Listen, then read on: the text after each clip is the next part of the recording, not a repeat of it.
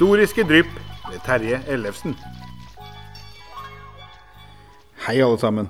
Denne gangen skal Terje fortelle om en svensk embetsmann som reiste i Norge rett etter 1814, og som besøkte vennene sine på Møglestu.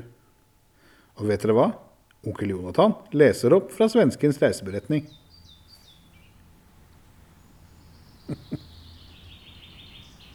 Den svenske konsulen. I 1814 fikk Norge sin grunnlov, og en stakket stund sin uavhengighet. Men snart var landet igjen i en union, og denne gangen var det med Sverige. Allikevel, få svensker kjente Norge særlig godt, noe en bok utgitt i 1818 skulle prøve å bøde på. I det året ga nemlig Edvard Gustav Fölsch, kongelig svensk og norsk konsul i Marseille, ut ei lita bok i Strengnes. Den het 'Resa i Norge år 1817' og beskriver hans reise fra Sverige til Kristiania, deretter opp Østlandet og over fjellet til Bergen, og så langs kysten østover. Han reiste både til lands og til vanns. Boka er skrevet basert på Følsch sine nedtegnelser fra turene, supplert med visse opplysninger fra biblioteket tilhørende grev Lars von Engestrøm.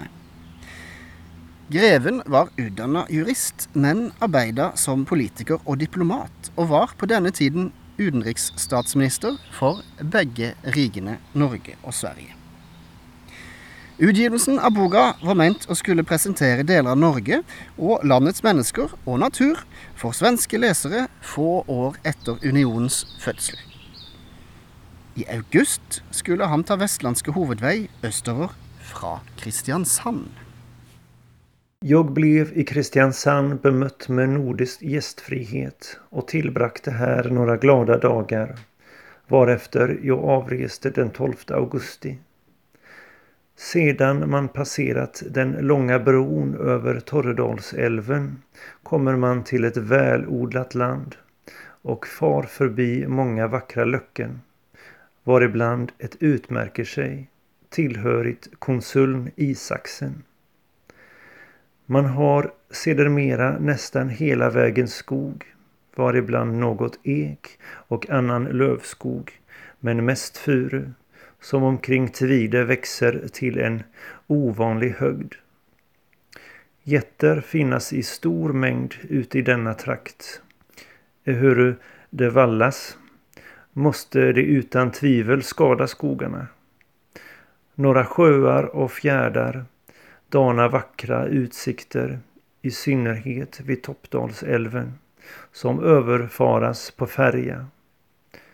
En och en halv mil till Lomsland är vägen backig men kunde köras om den blev lagad. Lera och torv som uppkastas ur diket, ofta till en av två fots höjd, är ej ett särdeles gott medel härtill. Med stor förundran har jag sett denna dåliga metod användas på flera ställen i Norge. Ehuru ett förbud däremot var vid samma tid anslaget på gästgivaregårdarna. Vägen till Åbel, en knapp mil, var något bättre. Den nevnte konsul Daniel Isaksen oppførte i perioden 1808-1812 det fortsatt stående hovedhuset på Boen i Tveit. Og det er vel for øvrig få hus i verden som ligner mer på Lillesand rådhus enn akkurat denne bygningen. Kystsystemet i Norge var basert på gjestgiverier og skysstasjoner plassert med jevne mellomrom. Eieren slapp militærtjeneste mot å stille skyss til rådighet for reisende, mot en fastsatt betaling, naturligvis. Men føret kunne variere veldig året rundt, og det var så ymse hva slags hest eller karjol som var tilgjengelig. En skysskar, ofte bare en unge, fulgte med til fots for å kunne ta med seg hesten tilbake til utgangspunktet da den reisende hadde nådd neste skysstasjon.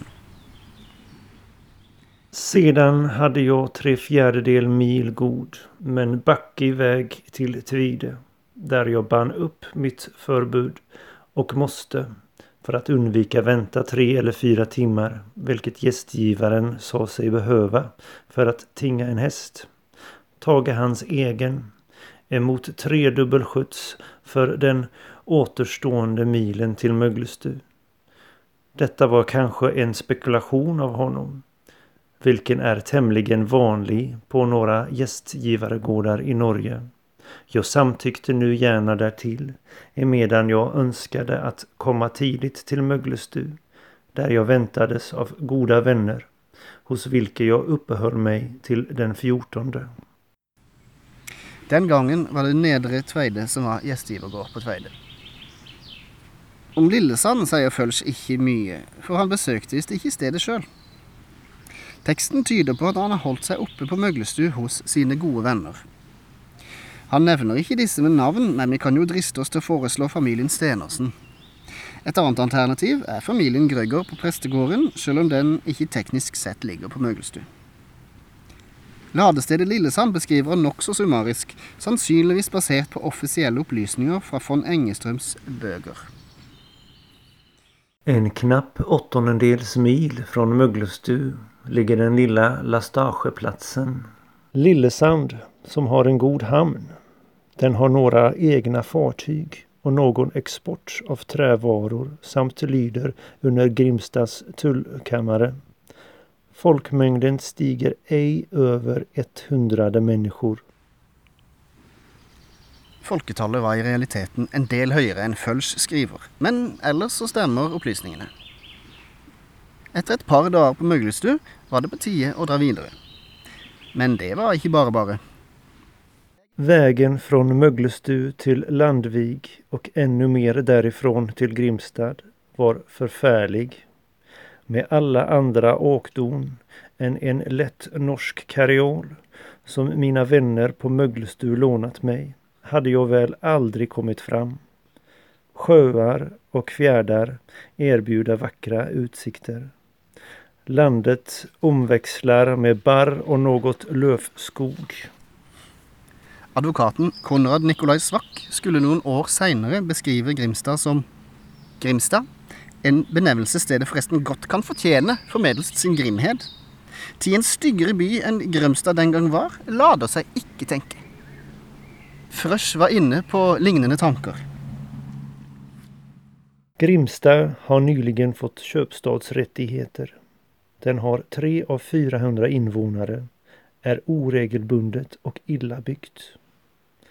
Hamnen är god och har några egna större fartyg som mest fara på frakt.